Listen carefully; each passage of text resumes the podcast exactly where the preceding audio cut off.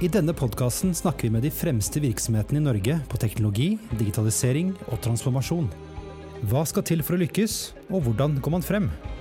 Du lytter til Teknologi og mennesker, en podkast av Athea og Oslo Business Forum. Da er vi tilbake med en ny episode. Mitt navn er Christian Brostad, og jeg jobber i IT-selskapet Athea.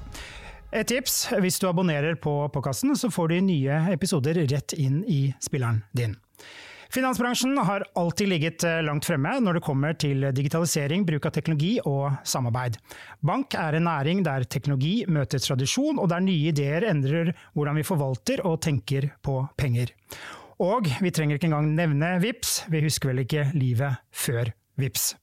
Men samtidig skjer det store endringer. Den teknologiske utviklingen er på speed, cybertruslene er større og bredere, konkurransesituasjonen er tilspisset, og vi lever i en mer usikker verden. Og det er også faktisk endrede brukervaner. I denne episoden skal vi snakke om finansbransjens innovasjonskraft, hva som skal til for å lykkes, og hva som blir the next big thing. Ukens gjester, eh, veldig hyggelig å ha dere her, men folk må høre hvem dere er. Maria Ervik Løvold, som er konserndirektør Technology and Services i DNB. Og så har vi Siren Sundland, konserndirektør strategi og digital distribusjon i Sparebanken Vest. Og ikke minst årets digitaliseringsleder 2023. Velkommen til dere. Takk. Tusen takk. Nå var jeg veldig sånn skrytete på vegne av uh, bransjen, uh, men Siren, uh, det er vel noen områder det går litt tregt på? Finansbransjen fortjener skryt, men med konteksten av at vi Marie Maria og jeg, er enormt privilegerte som jobber i en veldig profesjonalisert industri, i, eh, som er gjennomregulert i verdens mest digitaliserte land. Så forutsetningene er jo veldig, veldig gode. Så har vi sett, særlig på svindelsida eh, jeg har lest at det er dobling i antall svindelsaker siden 2020. Her har finansnæringa gått sammen, og, sammen med myndigheter for å representere mye sterkere motmakt. Men jeg skulle ønske at vi hadde sett samme kraft og koordinering for fire-fem år siden, når opptakten til det massive arbeidet knytta til antikvitorsk starta. Og så syns jeg at vi har tilsvarende treghet i systemet når vi må ta inn over oss konsekvensene av at rundt 20% av Norges befolkning er det eh, Digdir kaller digitalt sårbare. Så vi har veldig mye ugjort. Er det en riktig observasjon? Jeg er enig. fordi ja jeg synes jo egentlig spørsmålet, jeg er jo egentlig veldig enig med det du sa først. da, at Jeg syns at bankene er, eh, i Norge er kommet utrolig langt på digitalisering. Altså Når jeg reiser på konferanser rundt om i Europa, så er jo de veldig imponert over både hva vi har gjort, men også når jeg sier at det er under 3% i Norge som bruker kontanter hver dag, så, så forstår de på en måte ikke hvilket ja, De syns fortsatt det er helt uh, veldig imponerende. da. og Jeg er jo veldig enig her, men jeg syns også i forlengelsen av det så tror jeg også at banknæringa og det offentlige offentlige har vært veldig gode til å samarbeide. Vi har jo også samarbeida i mange år gjennom digitalt offentlig samarbeid. Vi har utvikla API-er både fra bankenes side og fra, fra, det offentlige sin side, som gjør at vi har fått en veldig sånn effektiv håndtering av en rekke eh, fellesløsninger som har kommet borgerne i Norge til gode. Så jeg skjønner på en måte spørsmålsstillinga di, men, men jeg syns at vi har kommet veldig langt. Og så er jeg helt enig med Sirene at det som er utfordrende, det er at når teknologiutviklinga nå går raskere og raskere, så sliter også det regulatoriske med å holde følge. Og jeg syns at hvitvasking og, og, og, bedrageri er et godt eksempel. fordi eh, sånn som hos oss da, Vi har kjempestore enheter som sitter og stopper en milliard i året i bedrageri og svindelforsøk. Vi sliter likevel med hva vi får lov å utveksle med Sparebanken Vest. Hva vi får lov å få av informasjon fra politiet i Oslo. Og Hvis vi bare ser hen til Sverige, så ser vi at de har en mye hva jeg skal si, eh, jeg vet ikke om det er lovverket som er annerledes, men de har iallfall en friere tolkning av lovverket med tanke på hva de deler med det private. Og Der tror jeg vi har noe å gå på. Og så skal vi jo sikkert snakke litt om AI i dag òg. Mm. Og der er jo også et område der eh, lovgiver eh, enda famler litt. da. Altså Ikke bare i Norge, men i Europa.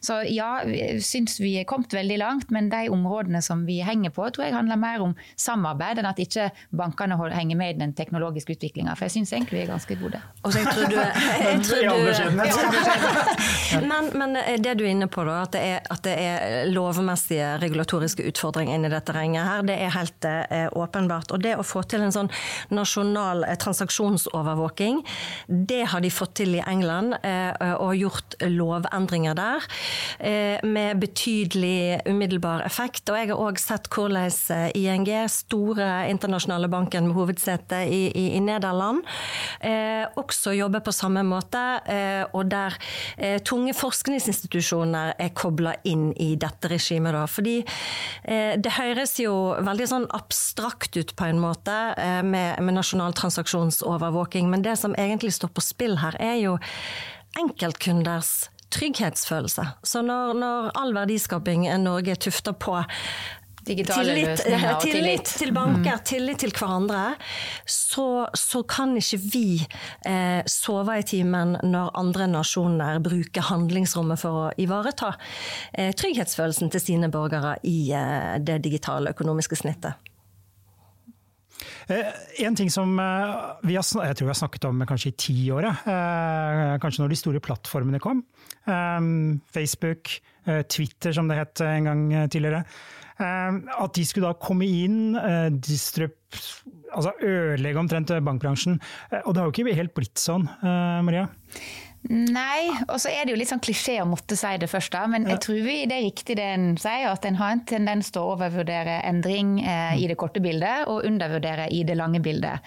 Så nei, det har ikke skjedd så fort som vi kanskje trodde, men jeg tror vi skal være ganske eh, forsiktige med å undervurdere at de fortsatt kan komme. Og en av grunnene til det er jo nettopp eh, AI, eller det vi nå ser av den enorme både dataflyten og datainnhentinga som de store selskapene faktisk gjør hver eneste dag. Eh, og som de nå kan koble opp mot enda bedre teknologiske verktøy. Å, vi ser jo fortsatt at de beveger seg inn mot eh, bankbransjen. Sant? Se for, eh, både på Apple og på, på, på Facebook. De har på en måte ikke gitt opp, eh, gitt opp det sporet. Men det handler jo egentlig ikke om bankbransjen som sådan. Det handler om å lage så gode og enkle løsninger for kundene sine som overhodet mulig. Og det gjør de ved å kunne levere de tjenestene kundene trenger, når de trenger det, der de trenger det. Og Derfor tror jeg at f.eks. når vi snakker om embedded finance, sant, at du betaler for ting i den flyten du er i, fortsatt er veldig, veldig viktig. Og da er ikke det så viktig for kundene om de gjør det med mobilen eller med kortet, eller, eller om de går i banken og får eh, saldoen sin eller en annen plass. Da. Så, eh, og tilsvarende når du først da har kunden, så kan du like godt tilby både eh, boliglån og andre ting. Så jeg tror ikke vi skal undervurdere, eh, og jeg tør iallfall ikke, jeg får se litt på deg, da, men jeg tror ikke å avskrive at den faren er over i det hele tatt. Jeg syns det er så djupt fascinerende hvordan all innsikt aldri linjært. Eh, vi, vi bare sitter og ser på det og ser på det, og så plutselig så skjønner vi det. sant? Det føles som om diskusjonen eh, om AI eksploderte i år. Men, men det har jo vært en lang, lang, lang pågående tung forskning eh, knyttet til AI på mange områder, men, men i vår bevissthet så eksploderer det nå. Og sånn er jo det òg med denne her ideen om at de store, særlig amerikanske tech-gigantene, kommer og disrupterer eh, bankmarkedet. Så jeg husker jeg var i Silicon Valley i lag med masse små og store eh, sparebanker. Dette er 2018, og det er sånn skikkelig disruptiv huffing. Alle bare sitter og huffer huff, og bekymrer seg. sant? Banksjefer i slutten av 50-årene, veldig, veldig bekymra. Og så har du helt rett. Vi, vi har ikke sett hele utfallet eh, av dette ennå. Men, men den der huffinga, det var i hvert fall veldig avklarende for oss som var med fra Sparebanken at vi tenkte ok, utfallsrommet er stort. Det vi skal gjøre, det er å prøve å bruke det handlingsrommet vi har, eh, til å være vår egen disruptive motkraft når eh, vi, vi vet at gigantiske endringer kommer, vi bare vet ikke helt hvordan og når. Er det, for det dere snakker om er jo sykt gode brukeropplevelser, eh, og så er det datadrevet. Altså det er det som gir fuel. Da. Er det ideen bak eh, Bulderbank med gode brukeropplevelser? For det, det er jo rent inn med kunder, eh, eller i hvert fall det er det mediene skriver, hvis vi kan stole på det. Da. Hva er ideen med Bulder? Det er akkurat dette. Når vi kommer hjem fra Silicon Valley, så, så eh, tenker vi at hadde ikke det vært utrolig fett eh, at en eh, nærmere 200 år gammel sparebank er den som disrupterer eh, norsk eh, finans, med ideen om å våge å kannibalisere på seg sjøl. For det var det største eh, barriere for oss mentalt. Kan vi lansere en kanongod brukeropplevelse til et smalere segment med ren eh, digital plattform? Eh, samtidig som vi forvalter den tradisjonelle sparebankmodellen med, med, relasjonsbanken med stort kontornett. Og så tegner vi ut da posisjoneringsstrategi for Bulda Bulder Bank som skulle være diametralt annerledes enn posisjonen til Sparebanken Vest. Vi, vi brukte Needscope, sant? som er et veldig sånn nyttig verktøy for å eh, forstå ulike kundeprofilers behov. Og så lagde vi et merke som skulle være veldig krist på den grupperinga som vil ha eh, bare fikse alt sjøl i digitale flater. Egentlig langt på vei S-banken sin posisjon da S-banken kom for 20 år siden. Da. Eh, og da var det kombinasjonen av steingod eh, UX kjempespiss merkevarebygging og et uh, veldig, veldig godt produkt i bunn, som er at renta justerer seg sjøl i takt med eiendomsverdien på boligen din, da. Og det har, og det har virkelig eh, hatt den veksten eh, som du har oppfatta. Men det som gjør oss aller mest stolt, er at eh, nå er Og det er bare fire år gammelt, dette merket. Nå er Bulder på topp i EPSI. Eh, kundene elsker Bulder. For det er flere innganger her. Man kan jo da gjøre som, eh, som Sparebanken Vest, da, og liksom gjøre noe som eh, endrer på forretningsmodeller eller hva, hva som helst. Eh, mens i DNB har jeg en følelse av at dere, eh, dere skal lage sykt gode ting eh, under DNB-merkevaren. Eller er det helt uh, far-fetched? jo, nei, vi ønsker å lage sykt gode ting under ja. DNB-merkevaren. Men jeg tror at det som er, er, er viktig i dette, at det, det, å lage kjempegode digitale opplevelser, det må vi gjøre alle sammen. Eh, og det er her vi begynte da, at jeg tror at norske banker generelt er gode på digitale uh, kundeopplevelser. Uh, og så har vi selvfølgelig mye vi kan jobbe med. Sant? Vi tøysa litt i stad. Det er alltid ting vi kan jobbe med å bli bedre. Og det er jo der vi syns det er veldig interessant nå, med den nye teknologiske utviklinga vi ser. Hva kan vi gjøre for å virkelig forsterke opplevelsen? At kundene blir sett, både fysisk, de som ønsker det, på bankkontor, men også digitalt. Hvordan lager du personalifiserte kundeopplevelser for akkurat meg og akkurat deg? Her tror jeg jo at kunstig intelligens nå over langen vil kunne gi oss helt fantastiske muligheter. Så Det er på en måte én akse. Men dette med innovasjon er jo også noe som en hele tiden må ha fokus på. da. Fordi akkurat som jeg tenker at veldig gode digitale nettbanker eh, er en etter hvert en commodity. Sant? Du vet ikke gå til en bank som ikke har en god mobilapp. Eh, så vil også mye av AI-en vi jobber med i dag, være litt sånn everyday AI. Sant? det at eh, du sitter i et, i et dokument og at du bruker en kopilot og får laga en PDF på halvparten av tida som før. Det at du får laga summary når jeg får lange rapporter ved å trykke på en knapp, genialt. Men etter hvert så vil du ha tatt ut effektiviseringsgevinsten eller fordelen av det, for dette gjør alle. Det som da blir interessant, er å klare å finne de lommene i din bedrift Eh, som, som, som, gjør at her kan AI-en virkelig på en måte eh, lage noen helt nye kundeopplevelser. Eller distribuere måten du f.eks. driver core operations på, eller den typen ting. Og Det samme vil jo det også være med innovasjon. Hvilke produkter er det etter hvert vi kan lansere som vil være helt nytt for kunden. Og Sånn var det vi, vi tenkte den gangen vi lanserte VIPS. Sant? Dette var jo noe nytt. Ja, Det fantes andre plasser i verden, men det var jo noe nytt. Og så Samtidig så turte en da, og det må en jo gi ordentlig kudos til disse banksjefene med, på, i 50-åra som var med deg til Silicon Valley, at det de også turte da, det var å søke samarbeid på tvers. For vi tenkte at dette var noe som var så viktig at det, eh, det norske bankfellesskapet måtte være sammen om for å få skalafordeler på. Så det å tenke innovasjon, ja noe er jo hverdagsinnovasjon innad i bankene. Noe innovasjon en liten stund, og så blir det noe som alle holder på med. Og så av og til så kommer en over om å legge til rette for disse større disruptive innovative prosjekter. Og Da var jo VIPS et eksempel på det. da. Mm. Dere er veldig iger på å snakke om AI, vi, vi kommer dit, jeg lover det. Men, det for, ja, men for å få ut det potensialet, så må du ha orden i sysakene dine. Altså på, ja, på dataene dine. Virkelig. og det er det mange som sliter med. Mye er i siloer eh, osv. Eh, hvordan er det dere jobber med dette? Kan jo, Vi må gjerne skyte inn her, altså, men vi har jo lagt en datastrategi for ganske mange år siden som vi prøver å jobbe mer eller mindre systematisk etter. da. Det er jo ikke så lett. Det Data er komplekst. Og Én ting er å vite hvilke data du har, men noe annet er det å klare å systematisere dem på en sånn måte og ha så gode merkelapper på det at du vet hva de faktisk kan brukes til. Sant? Vi er opptatt av datasikkerhet og integritet i dataene, og det er mye personvern inni her. Men vi har jo satt i gang nå en reise der vi bygger ny dataplattform for eh, våre data, som også skal gjøre noe som jeg syns er aller gøyest, men som demokratiserer bruken av data.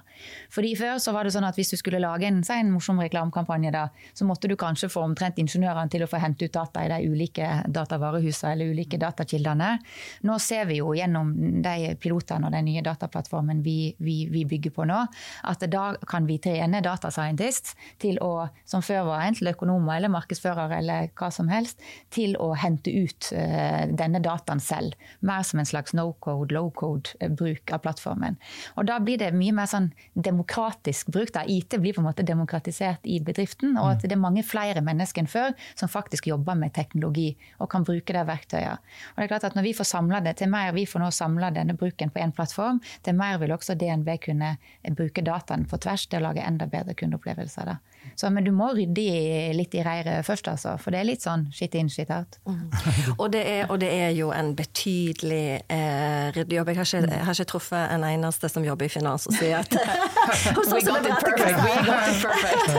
I så fall hadde jeg blitt veldig bekymra. Men, ja, men eh, demokratisering av data eh, betinger jo at du har de beste folka med størst mulig forretningsinnsikt til å forvalte og forstå verdikjeden, da baklengs til de som skal ha plattformansvar. Eh, og i, i, i, vår organisasjon så er den der ryddejobben og tydeliggjøringa av de som skal bruke dataene i praksis kundenært i front, er super-aligned og veldig lojale til premissene for de som eh, forvalter plattformstrukturer. Eh, der er vi klar til å gjøre neste eh, modifikasjonsgrep for å få det til. Eh, og det, er, det eneste interessante er jo eh, å sikre større kundeverdi og høyere lønnsomhet eh, og datasikkerhet, eh, Kinderegget. Det, det, det, er jo det som er avgjørende for at vi skal være konkurransedyktige i et bankmarked som, som blir tøffere og tøffere for alle. Mm. Mm. Helt enig i det. Og så er vår evne til å ta inn data fra andre stedsfra blir mer og mer interessant. Sant? Vi snakka om API-er fra det offentlige i stad.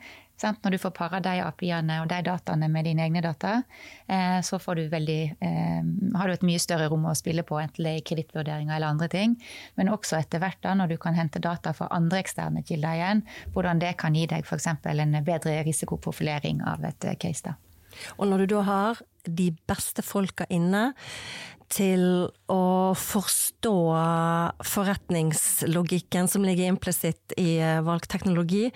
og de kan bruke denne dataen til å fintune parametersettingen, så tror jeg òg at eh, en kan eh, få til byks knytta til både kundeverdi og lønnsomhet. Mm.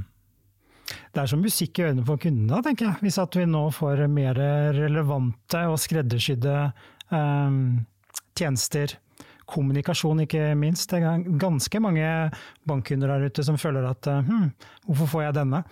Eh, for å si det sånn, eh, eh, når jeg i en alder av 52 får reklame fra Sparebanken Vest der det står 'slik sparer andre på din alder', og det er menn på 70 med surfebrett mm. Men jeg er litt sur på Stena Line òg, som driver og sender ut sånn brev i posten 'snart er du 50, kom ja. på tur'. Ja. det må treffe segmentet. Ja. Så, så vi er veldig gode på relevans, og bedre skal vi bli. Og så er det òg sanntidsrelevans. Vi ser at i mange flyter der eh, to parter må inn og eh, signere. Eh, så stopper det opp, og så blir det liggende, og så glemmer en det, og så blir det bare sånn barriere å, få det fiksa, da. Eh, så i veldig viktige eh, produkter, type forsikring for ungene dine, det å ha innebygd nudging, sånn at travle foreldre får signert de dokumentene og tikka av der de skal, det minne, er helt avgjørende. Minne på at barna faktisk blir 18, og at de er dette ut av forsikringsordninga, ja, f.eks., eller at de når helt andre tilganger på konto og kortene sine. Mm. Mm. Hmm, mye snacks. Eh, jeg tenkte vi kanskje skulle vært litt sånn praktiske, for det høres ut som dere har orden i sysakene. ja. Det var dine ord. Så vi jobber knallhardt med å ha orden i sysakene. sakene. Men eh, for uh, da uh, ledere som hører på denne poden, hva, hva, er liksom de viktigste rådene for å få For det er helt kritisk. det vi skal dykke, over, dykke ned i senere, er jo AI. Og det, jo, det går jo ikke å bruke AI på dette uten at det er i orden. Det er masse data overalt. Flyter i siloer. Hva gjør du for å liksom ta grep om det? Og så er jo folka viktig, selvfølgelig. Nei, Jeg var jo så vidt innom det. da. Vi, vi, har satt i gang med å modernisere selve hva skal jeg si, datavarehuset vårt. da. Mm. Eller dataplattformen vår. Den har vi satt i gang et større moderniseringsreise på. Og Det er jo også fordi vi ser at den, den nye måten å bruke banken på, den nye måten å i våre produktsystem bruke våre lagringsbaser på, krever mer kapasitet enn det de gamle datavarehusene også hadde. Så det er også noe for en voksesmerte i hvordan vi var satt opp før. da. Så vi moderniserer av dataplattformen vår. Så det er jo kanskje mm. delvis svar på spørsmålet litt. Men det er også snakk om å rydde i eksisterende data. Det er snakk om å få kontroll på ustrukturerte data, som vi kaller det, sant? i forhold til eh, personvernregler og den typen ting. Så det er jo ulike jobber som skal gjøres. Så jeg tror det er derfor vi, vi flakker litt Hvor skal du begynne?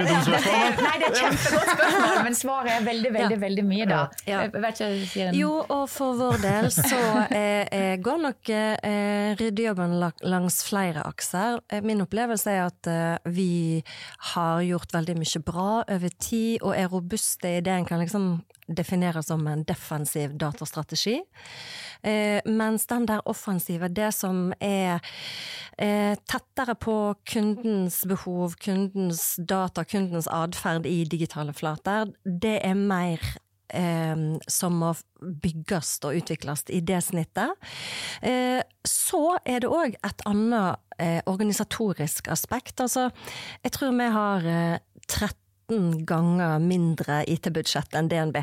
Vi, er, eh, vi, må jobbe veldig lean og veldig systematisk og snu eh, hver time, sånn at vi bruker det best mulig for, eh, for kundene våre. Og da er det egentlig den organisatoriske kapasitetsbindinga, da. Hvordan bruker vi internt eh, de steinflinke folka som har spesialkompetanse på dette området? Eh, er vi villige til å bruke eh, tid på å lage rapporter som oppdaterer seg sjøl, eller låser vi oss inne i litt sånn gamle bestillingsmønstre der uh, nøkkelpersoner er de som må hente ut data hver gang? Så det er jo sånn ja, for det, det var, var det jeg snakka om. Organisatorisk det, binding der som er Men det er også litt på systemvalg, sant. Ja, Fordi at før så måtte du ha hjelp for å hente mm. ut dataene, og målet må være at du skal slippe det nettopp for at de som sitter nærmest kunden og skal lage de løsningene, kan hente disse dataene selv, da. Mm. Eh, fordi at hvis ikke bruker du god engineer-kompetanse på ting som egentlig ikke er nødvendig, da. Men, Men det betinger òg eh, viljen til å lytte på de som har virkelig, virkelig spissest forretningsinnsikt eh, på produktområdet, til å ta den viktige diskusjonen om hvilke rapporter og hvilke parametere er de aller viktigste å monitorere framover. Det er jo en kulturreise òg. Mm. Det gjelder jo veldig mange ting på IT, mm. syns jeg. Altså at eh, når du enten skal modernisere et produktsystem, eller du skal bygge en ny greie for kundene, et produkt eller en tjeneste, eller du skal jobbe med dataverdikjeder, som vi snakker om nå. Det å tørre å utfordre på hvordan dette burde ha sett ut, i stedet for å tenke at vi skal fortsette å jobbe med samme arbeidsprosesser som vi gjør i dag, eh, det tror jeg er noe av det viktigste du kan gjøre i alle de kontekstene. Da. Og vi har veldig mye diskusjoner om dette for tida. Sant? i forhold til um, det er veldig, Vi har jo kommet langt på digitalisering, men det betyr jo egentlig at vi har satt strøm på mye gammelt. Mm. Mm, mm. Den gamle låneprosessen, hvordan gikk den? Jo, det var sånn en satt strøm på den før. sant? Hvis du skulle ha gjort det helt på nytt i dag, hvordan ser det da ut?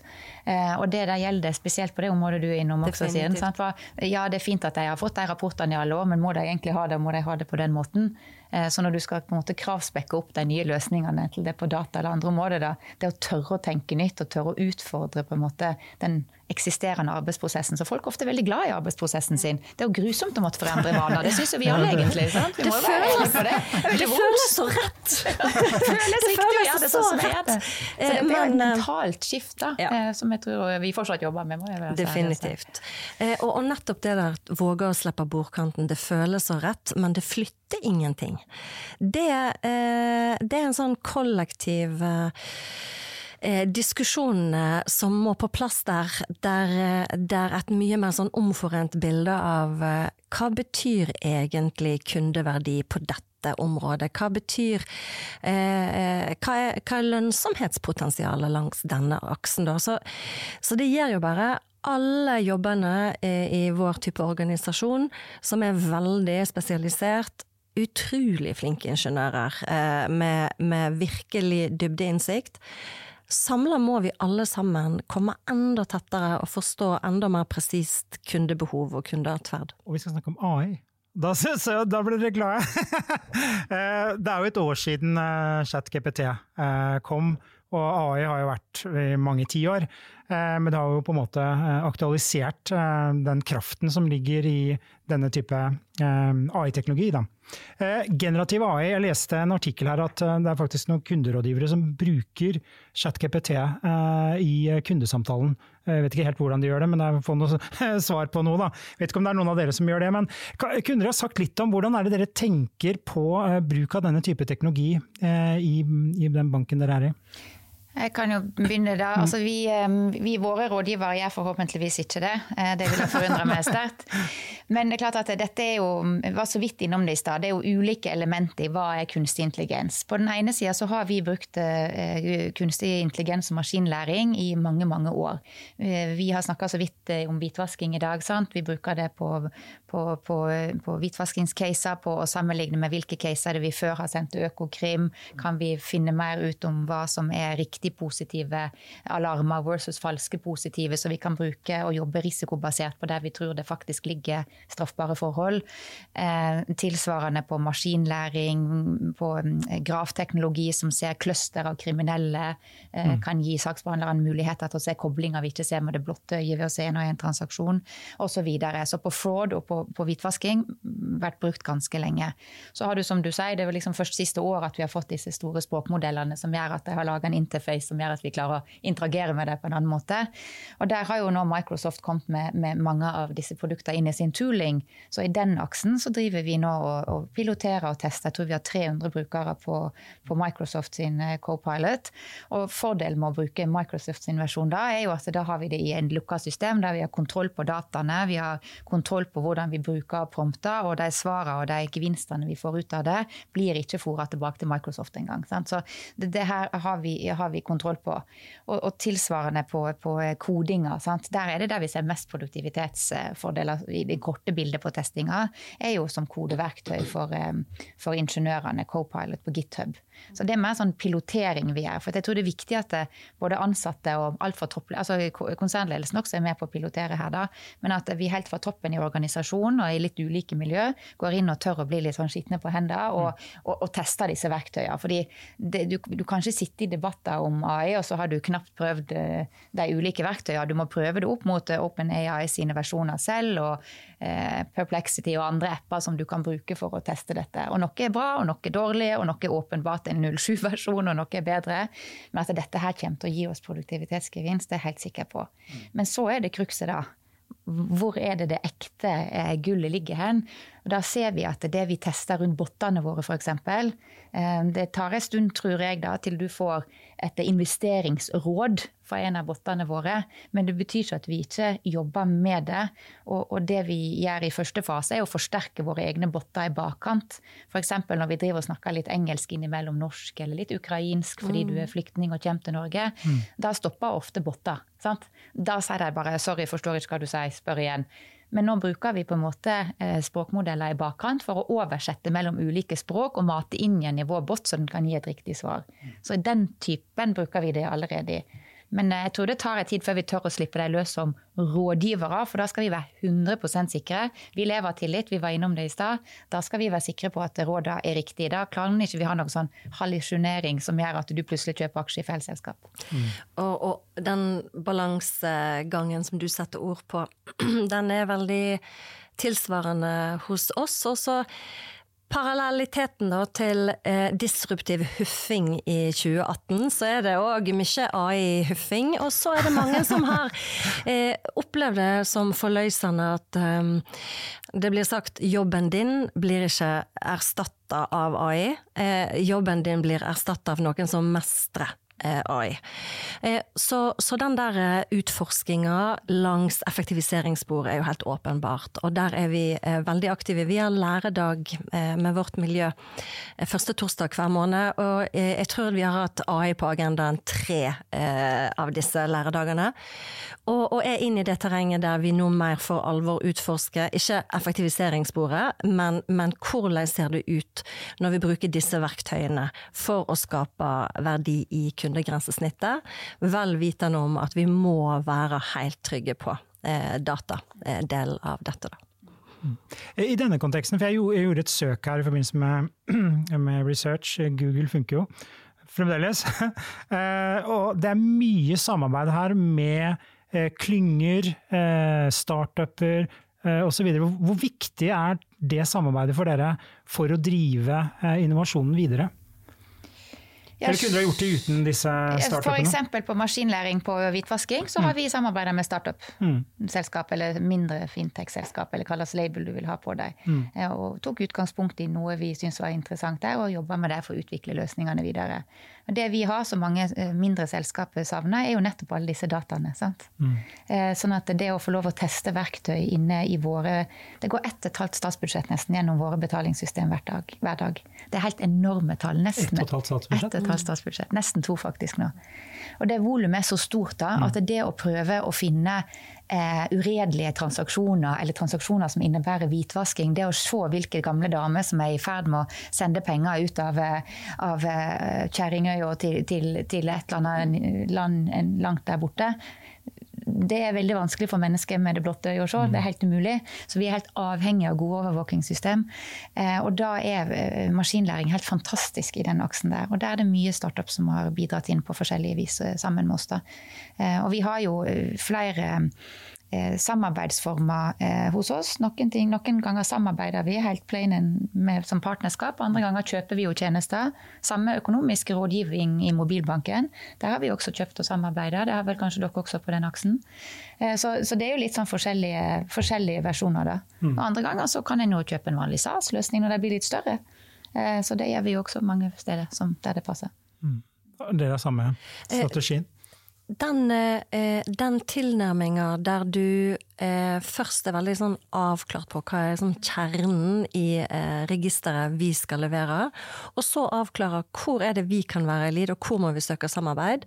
Eh, det gjør vi òg. Eh, og eh, der vet jeg at særlig i den tidlige fase Jeg vet ikke hvor, hvor langt de er kommet i operasjonalisering, men Finance Innovation, som er klyngebasert i Bergen, er veldig viktig samarbeidsarena for oss.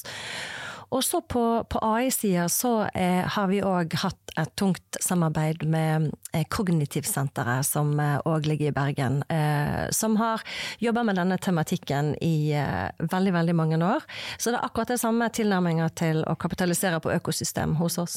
Men nå snakker du om, om, selskap. Jeg tror noe av det som er veldig viktig, og spesielt når vi snakker om AI altså Mitt svar er jo ja, litt maskinlæring, men også eh, generelt. da. Men, men i forhold til dette spørsmålet her spesifikt, spesifikk, så tror jeg det er, er viktig å bare erkjenne at det, dette området er likevel såpass nytt at det samarbeid med akademia er også veldig veldig viktig. Og Vi har samarbeid både med Universitetet i Oslo og NTNU, eh, og det har jo også flere banker og andre selskap. Eh, og eh, der vi ser på enten det er norsk språkmodell, enten det er utveksling av, av av eh, kompetanse for å ta tyngre doktorgrader på ulike temaer tilgrensende de samtalene vi har her nå. Eller eller måten vi utdanner studenter på sammen med Universitetet i Oslo, Greenhouse-programmet vårt som vi kaller det, der vi sammen med Universitetet i Oslo utdanner arkitekter f.eks. Alle de måtene her, ja det er viktig for, for næringslivet tror jeg, å samarbeide med, med, mindre selskap for å få fram ekte innovasjon, men jeg tror jammen det er viktig at vi samarbeider tett med næringslivet òg, for å både drive næringsrettet forskning, men også faktisk faktisk løse konkrete, mer kortsiktige problemer ja, den en doktorgrad på fire-fem år kan gjøre. Mm. Så det er like viktig for oss da. Jeg tror det kommer til å bli enda viktigere fremover, faktisk. Vi pleier å si at teknologi er jo ikke viktig, det er jo folkene. Eh, som er viktig. Eh, og det er mangel på kompetanse. Jeg vet ikke om dere føler det på kroppen, men eh, det mangler, mangler jo ganske mange eh, studieplasser. Eh, det er for få kvinner det er estimert at uh, Norge kommer til å mangle 40 000 teknologer innen mm. 2030. Uh, og uh, i sneglefart så har andelen kvinnelige søkere til teknologifag økt fra 19 til 27% Det tikker riktig vei. og, det tikker, og det tikker i slow motion. Men det som er veldig urovekkende, det er at kvinnelige teknologer blir ikke så lenge i lederposisjon. De skifter beite igjen som betyr at andelen eh, damer som rollemodellerer hva det vil bety å være teknologileder, kanskje med en videre range, da.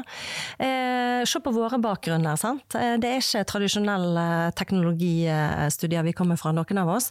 Den rollemodelleringen må opp fordi at eh, ja, du sa det jo i stad, teknologi isolert sett eh, løser ikke noe. Det er det, det hele verdikjedetankegangen.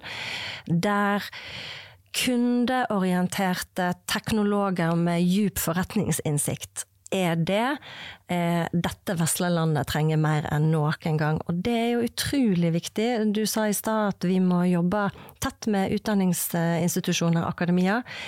Det å få til en mer presis eh, diskusjon om hva slags teknologiskills dette landet trenger framover, og få akademia til å være med og bidra til det. Og at det må inn i alle studier. Altså Én ja. ting er at vi trenger flere studieplasser på IT, den, den er opplest og vedtatt, det gjør vi.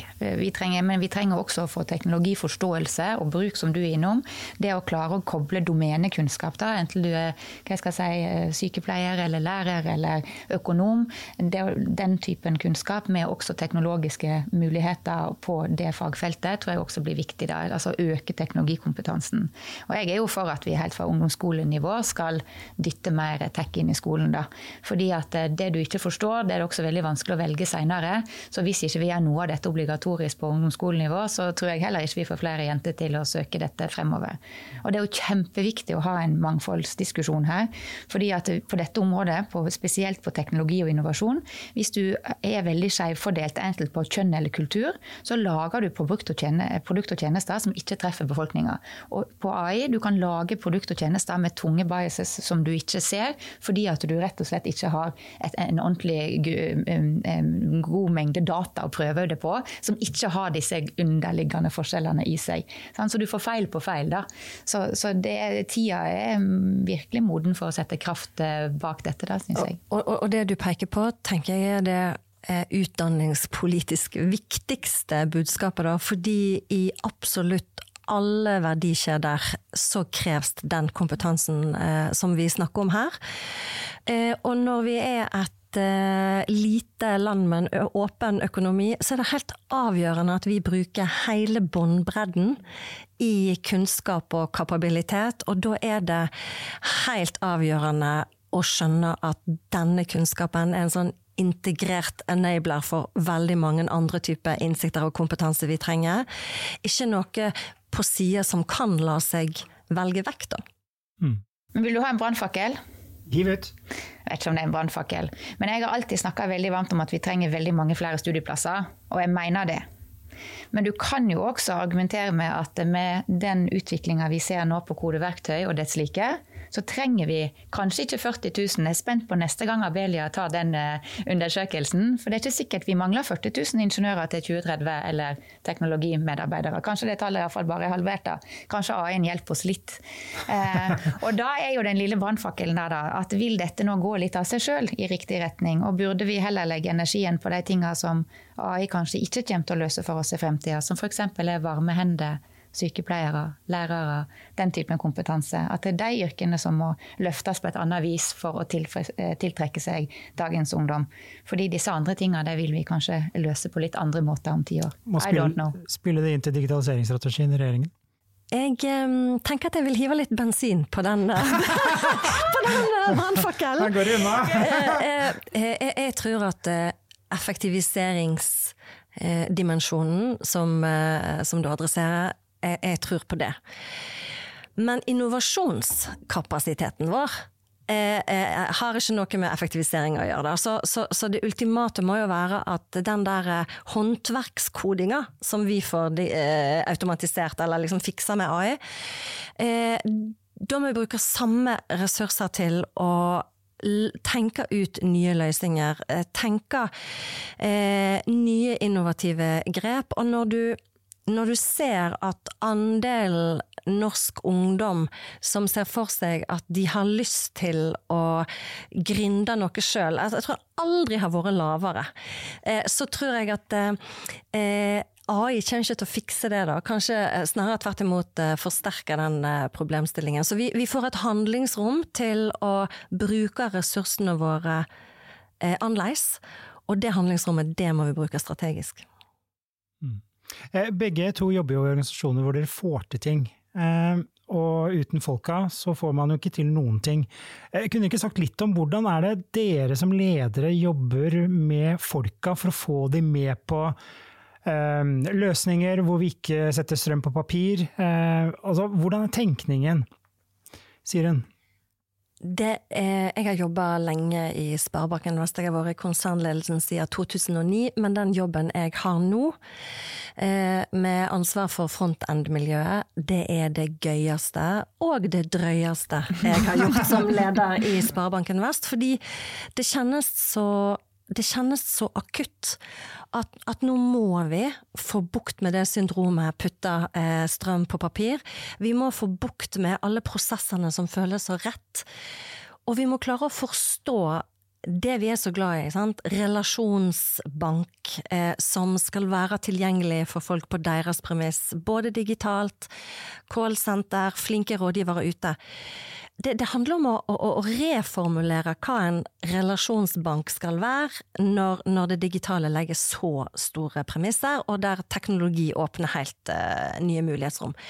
Så det å forstå seg sjøl på nytt er egentlig det vi jobber aller mest med. Det, og, og det er veldig inspirerende og veldig frustrerende, fordi at konkurransen i, i næringa er høy. Så vi, så, så vi, må jo jobbe som gal for å optimalisere business as is.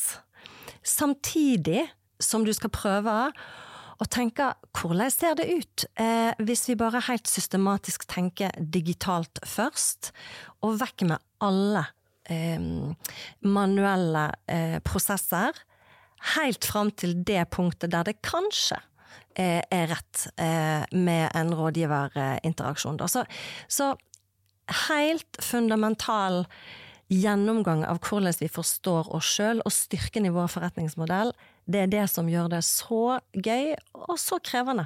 Jeg kan jo kjenne meg igjen i, i mm. deler av dette, da, men hvis jeg skal ta en annen vinkel på det, så tror jeg at det, det er jo Én ting er å legge tydelige strategier, da, eh, som jeg er sikker på veldig mange av oss er flinke til. Men noe annet er å faktisk sørge for at de blir gjennomført. Og i, i vår teknologistrategi så har vi satt av hva jeg si, en, en av tre biter. handler rett og slett om å bygge f.eks. ingeniørkultur, og bygge en mer en produktorientert mindset. Eh, rundt en del av måten vi skal jobbe med modernisering på, f.eks. og utvikling. Mm. Så Du må sette noen konkrete mål, og så må en jobbe med det. og Da tror jeg det er viktig med, med, med, med å, å, si det høyt, men det er også viktig med å ha en konkret feedback-kultur. Både på de som funker, og på de som ikke funker, f.eks. Og så har vi også satt i gang ganske mange sånn reskill- og upskill-løp hos oss. Og reskill det er når du tar sånne tullinger som meg som er jurister og har lyst til å bruke det til noe annet. Da trenger jeg en, en reskill. Eh, det kan være et mer intensivt løp på tre måneder, seks måneder, bli dataanalytiker eller, eller data scientist som vi en gang kjørte, eller vi har software engineers reskill-program. Eh, flere hos oss som, som har snakka mye om det før. Det syns vi var veldig gøy, og det var det veldig stor suksess med. Mm. Eller så har du mer upskill, sant? og det kan være på jobben-trening, men det handler også om mindre kurs, det å få lov å delta på, på kurs, samlinger. Vi kjører veldig mye eh, eh, hva skal jeg si, også digital opplæring. Og vi har vårt eget sånn DNBU University med ulike moduler du kan gå inn på og ta. Så noe av dette er kultur, veldig enig med, med Siren i det. Mye av dette er kultur og i hodene til folk. Det man jobber ganske systematisk og konkret med. Og så er det en del verktøy og metodikker som vi kan bruke for å faktisk passe på at vi får med oss folka våre inn i, i, i, si, i den stadig nyere verden som blir både mer kompleks og veldig mye mye gøy i det òg, men den blir mer kompleks.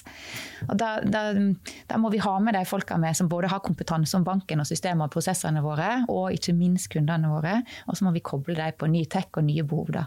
Mm. Det her er evigvarende arbeider. Og dette tror jeg gjelder ikke bare banknæringa. Jeg tror det er veldig mange bedrifter i Norge som må gjennom akkurat det som Sian beskrev, og som jeg er innom der. Mm. Og derfor så eh, har vi definert vår konkurransestrategi som evnen til å lære kjappere enn konkurrentene våre. Så fast beating the slow.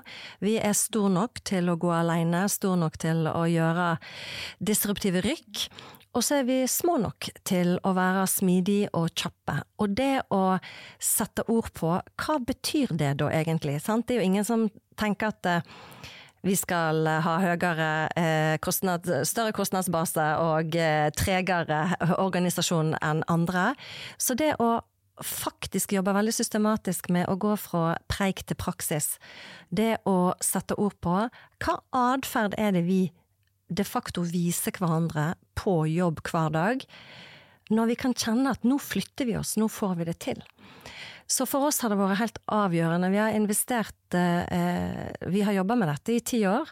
Eh, og så ble det det vi kaller kulturdokumentet. Det er inspirert av eh, Netflix og de store tekstselskapene, som veldig presist setter ord på kulturen på en sånn måte at du kan observere og, og gi hverandre feedback, som du sier da, i hverdagen, på at eh, eh, nå gjør vi, eller gjør vi ikke, det vi er blitt enige om som skal ligge til, til bunn for den suksessen vi skal få til kommersielt. Så det å ha et veldig presist språk for hva vi gjør for hverandre på kontoret hver eneste dag, det har vært en, en viktig nøkkel for oss. Og så må vi trene da, på denne live feedbacken. sant? Eh, ta ned terskel for å kunne eh, eh, gi hverandre løpende tilbakemelding, og så systematisere læredagene, eh, lederutviklingen. Eh, jeg eh, har sikra at produkteierne våre, er integrert i strategi- og lederutviklingsprosessene i banken. Helt avgjørende at vi har et kollektivt tydelig eierskap til det som er overordna strategiske mål, og at alle skjønner hvordan de sjøl atferdsmessig kan eh, bidra til det. Det er jo det som er nøkkelen i, i, i teknologiorganisasjoner, å få opp læringsloopene. Eh, vi var nødt til å sette det ordentlig i fokus på. Hva er god ingeniørkultur? Sant? Hva er god eh, innovasjonskultur, produktutviklingskultur? Du må tørre å sette ord på det der. Men jeg tror stikkordet er noe med læring her. Sant? Evnen til og viljen til å lære, og det å, være motivert til å lære nye ting. Eh, jeg syns det er så utrolig kult. Vi har jo folk hos oss på med godt opp i åra, som mange ville tenkt bare gikk og tenkte på pensjonsalderen, som setter seg ned og lærer seg helt nye teknologier. og som har med seg en, hva skal si, en domenefagkunnskap for betalingsområdet f.eks. Så vi har en større modernisering på.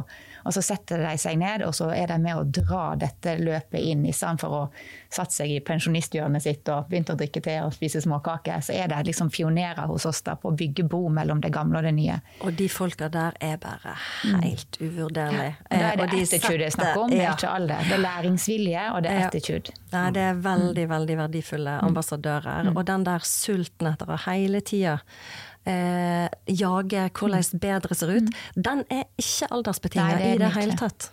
Den er ikke Så en hyllest til erfaring. Ja, faktisk. Virkelig. Mm. Vi kunne ha sluttet her, men jeg lovet jo i innledningen at uh, vi skulle snakke om what's the next big thing. Hva er liksom det hotteste dere snakker om? Jeg vet ikke om dere kan avsløre det engang, men, men gi oss en liten smakebit. Jeg har lyst til å svare generelt. da. Vi kan ikke avsløre hva er våre hotteste nye ting. Men jeg tror generelt en av de tingene som jeg har brukt mest energi på å tenke på da, eh, i det siste, det er hva skjer den dagen eh, maskinene blir kunder i banker? Det syns jeg er et veldig interessant spørsmål. Fordi du kan tenke deg nå når vi eh, kanskje etter hvert får hver vår personlige bot, den mater på dine egne personlige dokument, den henter dokument både fra internett og, og, og, og, fungerer både som din Google og personlig assistent. Det er jo det som er så fantastisk med, med, med, AI. Du får egentlig din personlige assistent. Og allerede i dag så får du, hvis du spør eh, kan du arrangere et bursdagsselskap til en tolvåring, hva skal til? Så vil du få en tipunktliste av de tingene du skal gjøre Jeg tror at om noen få år så vil jeg også si hvis du skal jeg booke lokalet til deg, trykk ja. Og så neste skal jeg bestille mat på pizza, ja. Hvordan tar du imot maskiner som kunde? Det syns jeg er et veldig gøyalt filosofisk spørsmål å tenke på. Eh, når folk lurer på hvordan bytter du bank raskest. Vi har jo aggregatorer i dag, men hva skjer når alle får sin personlige aggregator som kan agere på dine prompt og dine rammer på mm. hvordan disse tingene er satt? Mm. Det er noe av det jeg syns er, det synes jeg er en egen podkast verdt.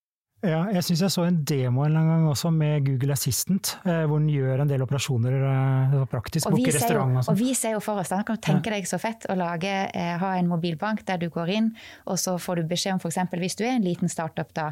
Eh, vi har jo mye gode løsninger digitalt mm. for små selskap i dag, men jeg vil si vi, der har vi også et langt stykke å gå.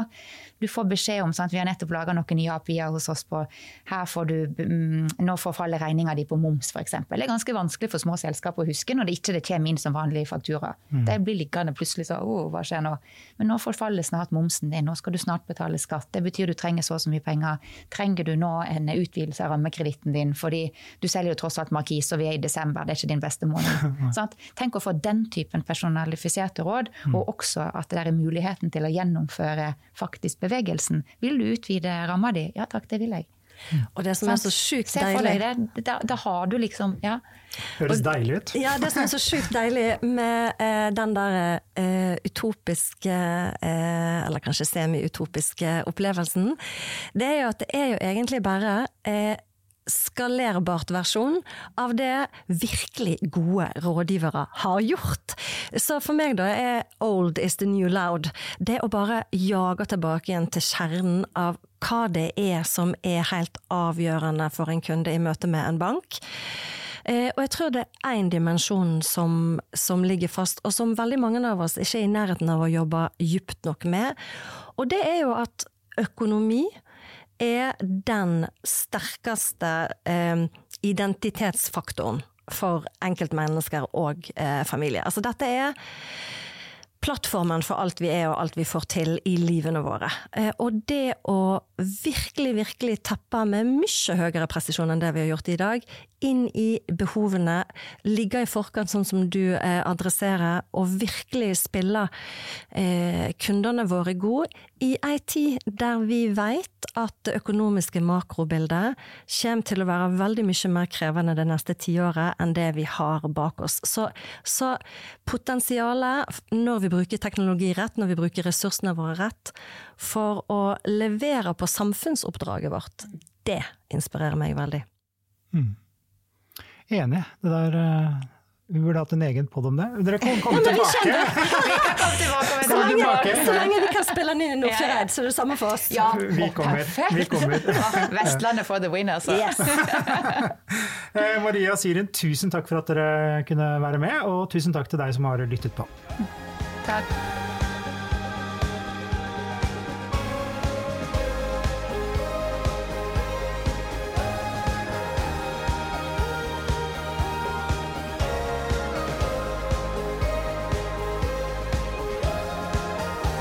Du har nå lyttet til Teknologi og mennesker, laget av Athea og Oslo Business Forum. Liker du podkasten, setter vi stor pris på om det oss noen stjerner. Og tips gjerne en venn om podkasten.